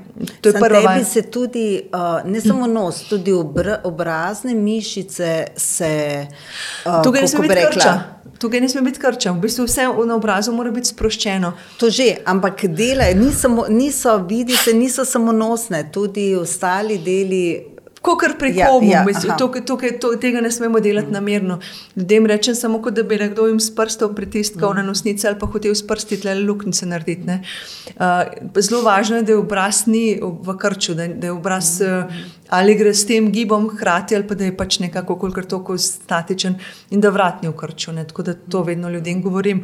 In ko to delaš, kaj se zgodi? V bistvu, kot prvo, je gib je bolj intenziven, če mu še nekaj zraven dodamo, ali imaš potem to, se rotiraš, ne vem, obračaš.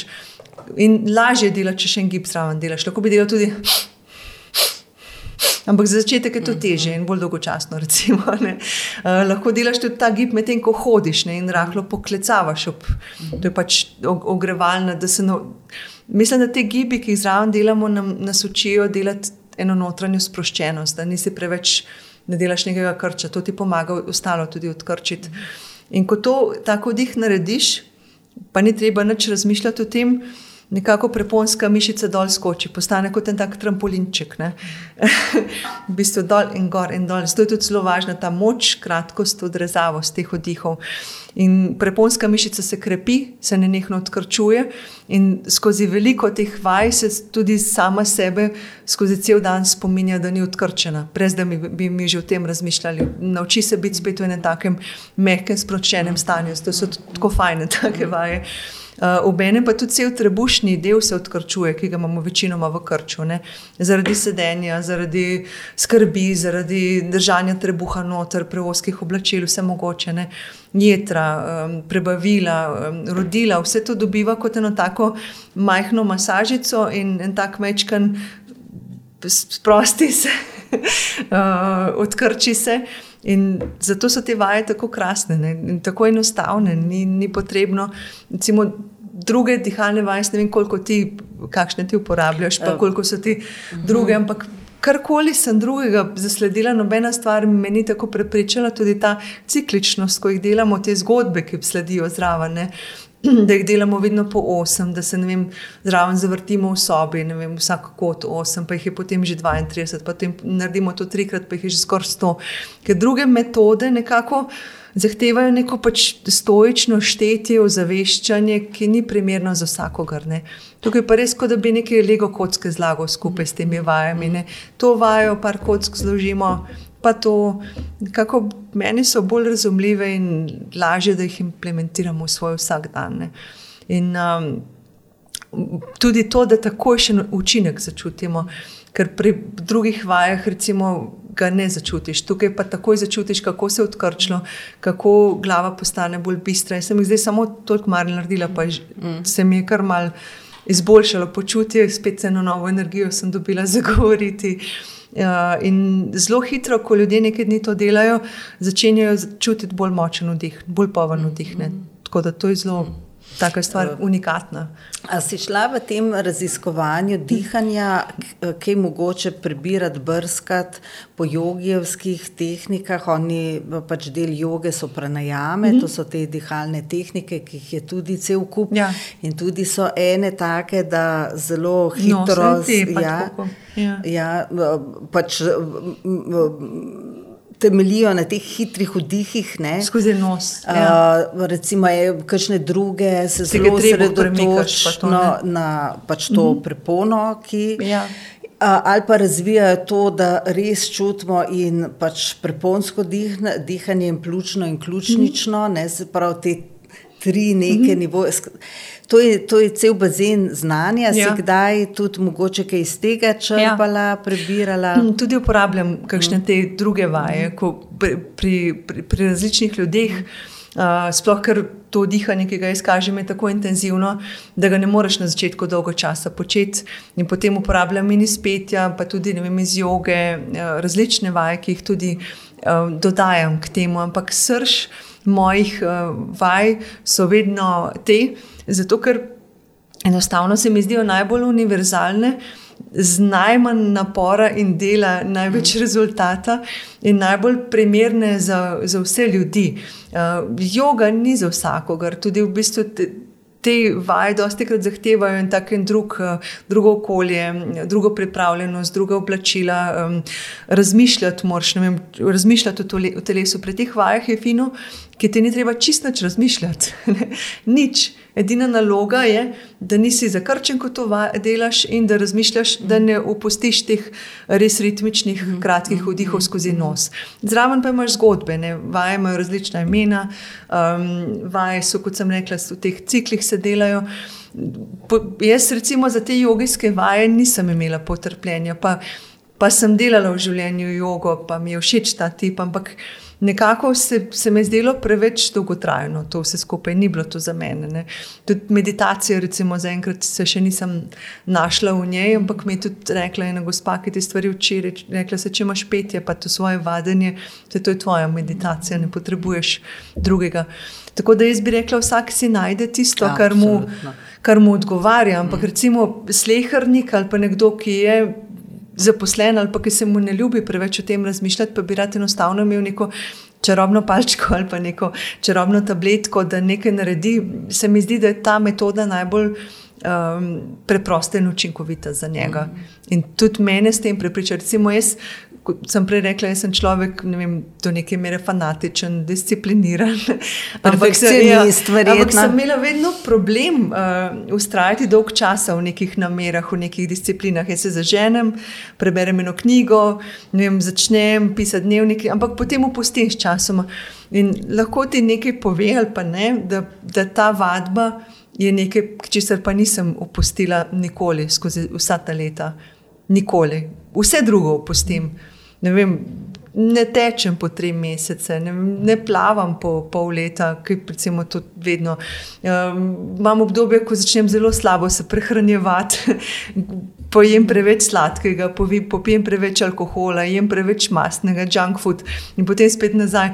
Tako da v bistvu vsi, vsi, vse nianse v mojem življenju so prisotne, ampak dihalna telovadba pa je edina stalnica, ki ostaja, ker je enostavno tako preprosta.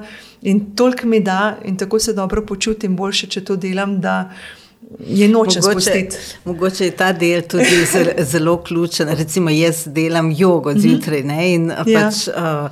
uh, uh, ta del ključen, da ko človek res izkusi, koliko dobrobit mu mhm. prinaša, ko počne nekaj, kar počne, ja. potem se bo vračal na to. Ja. Uh, no, mogoče tudi ne vsi, no, ampak mislim, da je to, uh, ko, ko izkusiš to, kako recimo že, ko smo zdaj le tole delali, mm -hmm. uh, samo par teh, ja.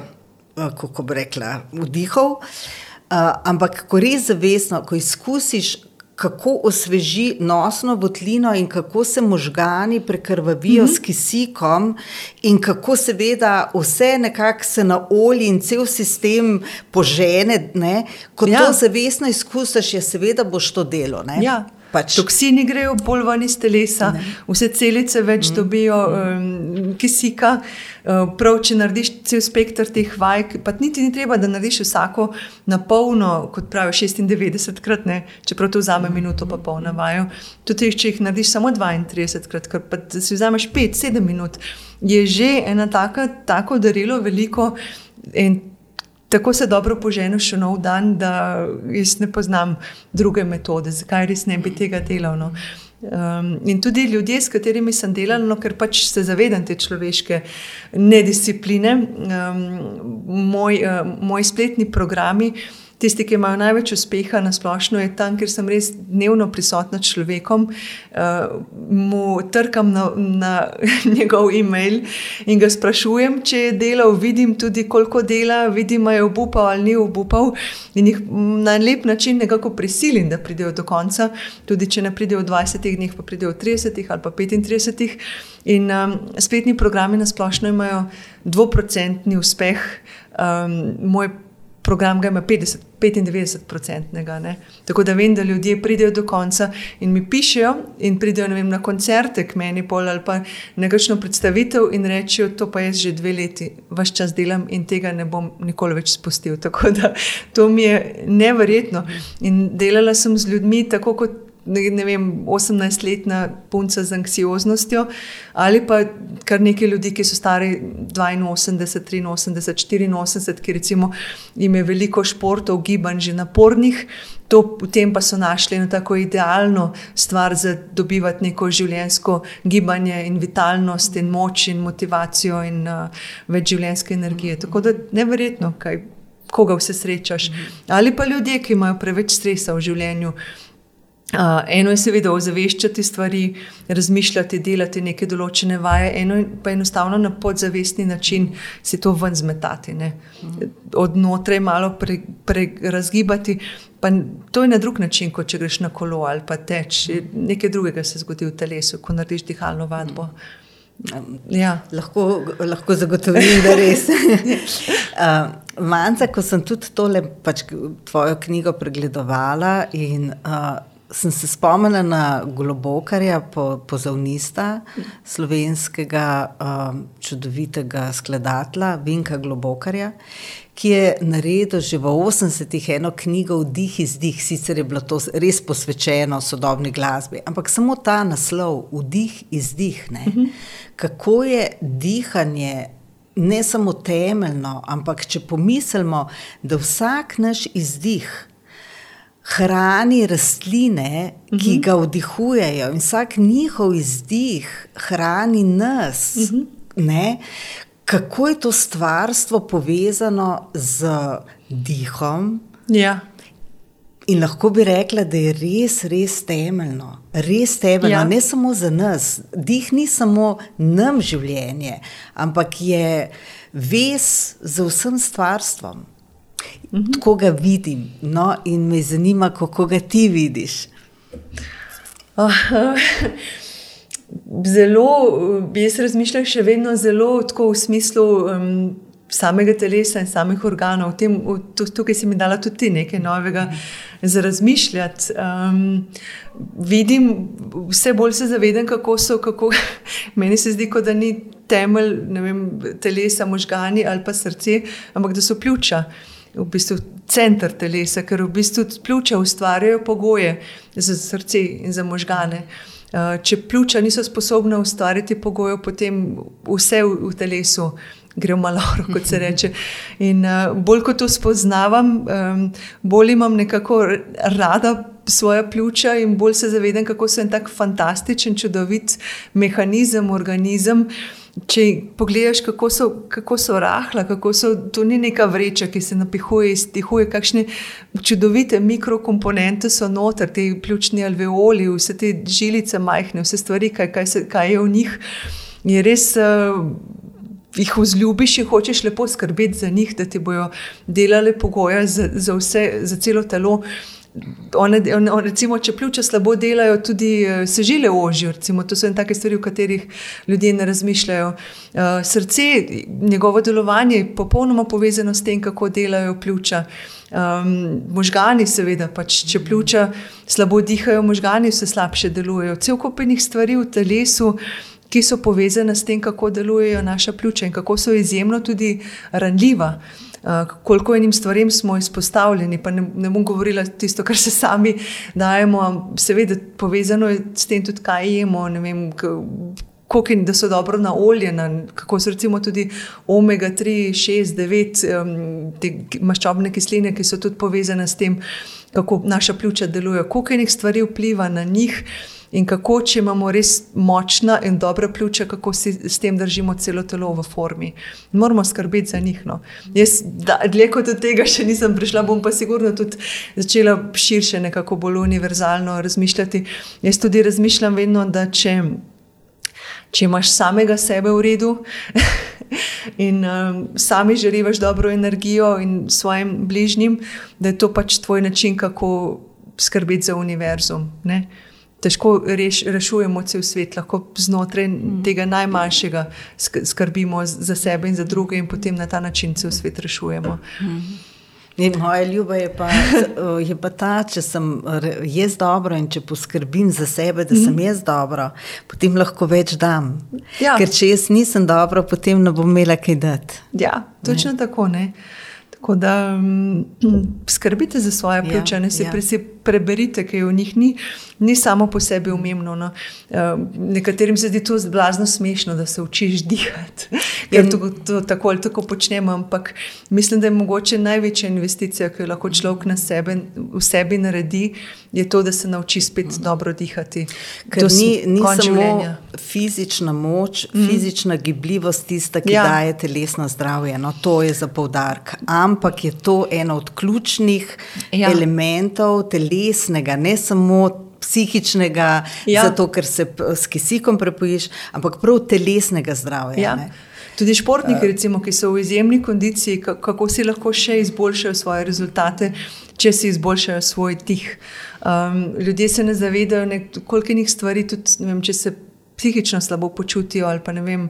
Eh, težave z hormoni, um, koliko enih stvari se da, na koliko stvari v telesu se da vplivati, če si narediš najboljši možen dih spet nazaj, takega kot si ga imel kot dojenček. In to, kar imamo zdaj ljudje, jaz rada rečem, kot da bi imel en ogromen grad v sebi, ampak ne vem, odprti, zelo čeo prežgani, samo dve sobi, vse ostalo je v pečevinah in v temi. Ne? In v bistvu imaš ta vrstnik življenjski potencial znotraj sebe, ki ki stoji. Tisto, kaj delamo v nekih vsakodnevnih življenjskih navadah, kako ne vem, se ukvarjamo s športom, kako zdravo jemo. To, tukaj je velik spektr, kaj človek si lahko dovoli, in vsak ima nek svoj prav. Ampak pljuča bi pa res priporočila vsakomur, da si jih pripravi, da so v dobri formi. No. Bo imel boljše pogoje za vse ostalo v telesu. In uh, bolj ko to študiram, bolj sem fascinirana nad. nad tem, na kaj vse lahko, kaj si lahko izboljšamo pri svojem zdravju.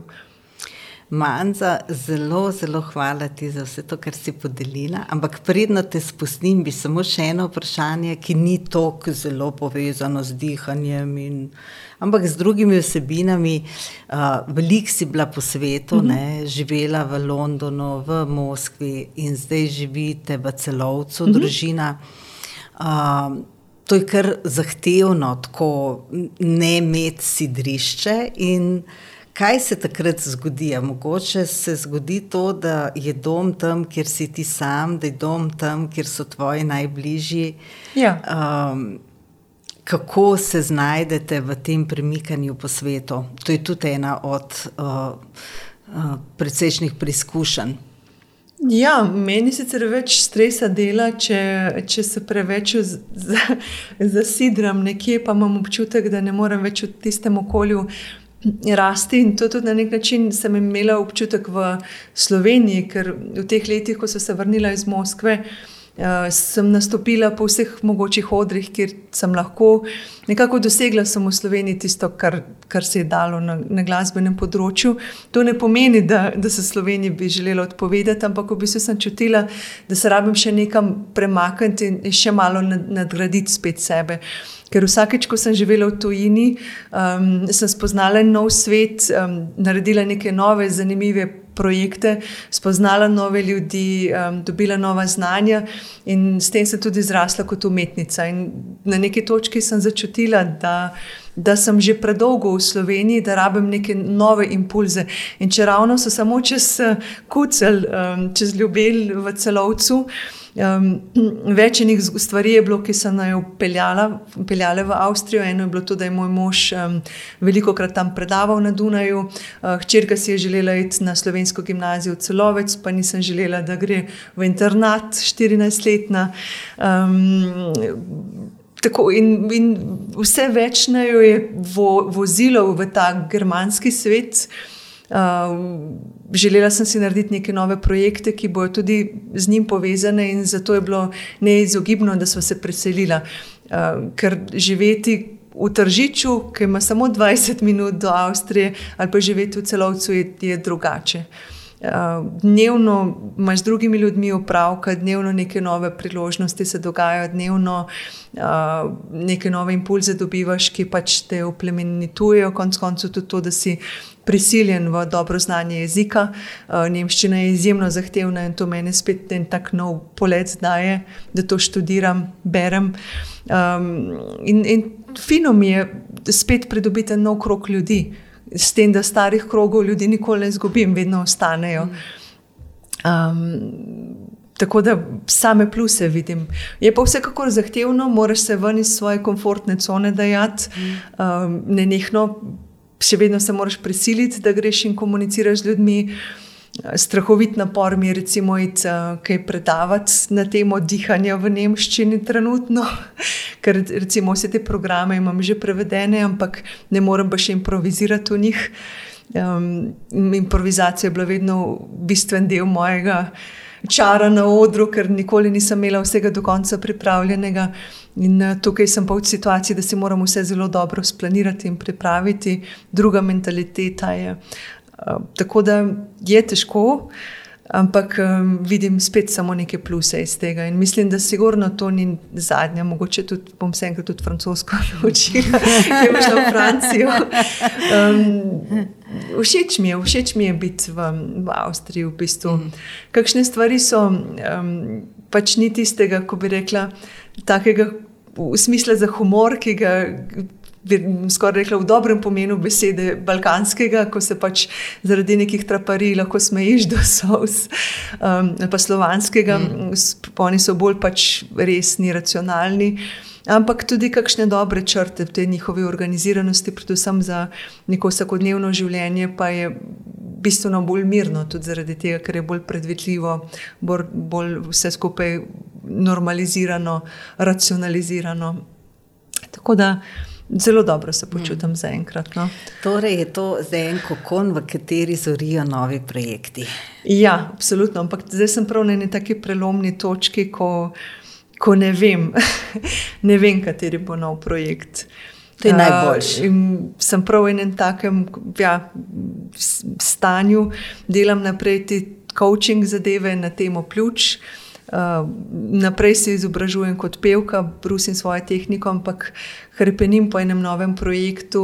Um, na nek način tudi moja duša zelo trpi, ker je bilo tako z Rusijo vse tako nasilo presekano.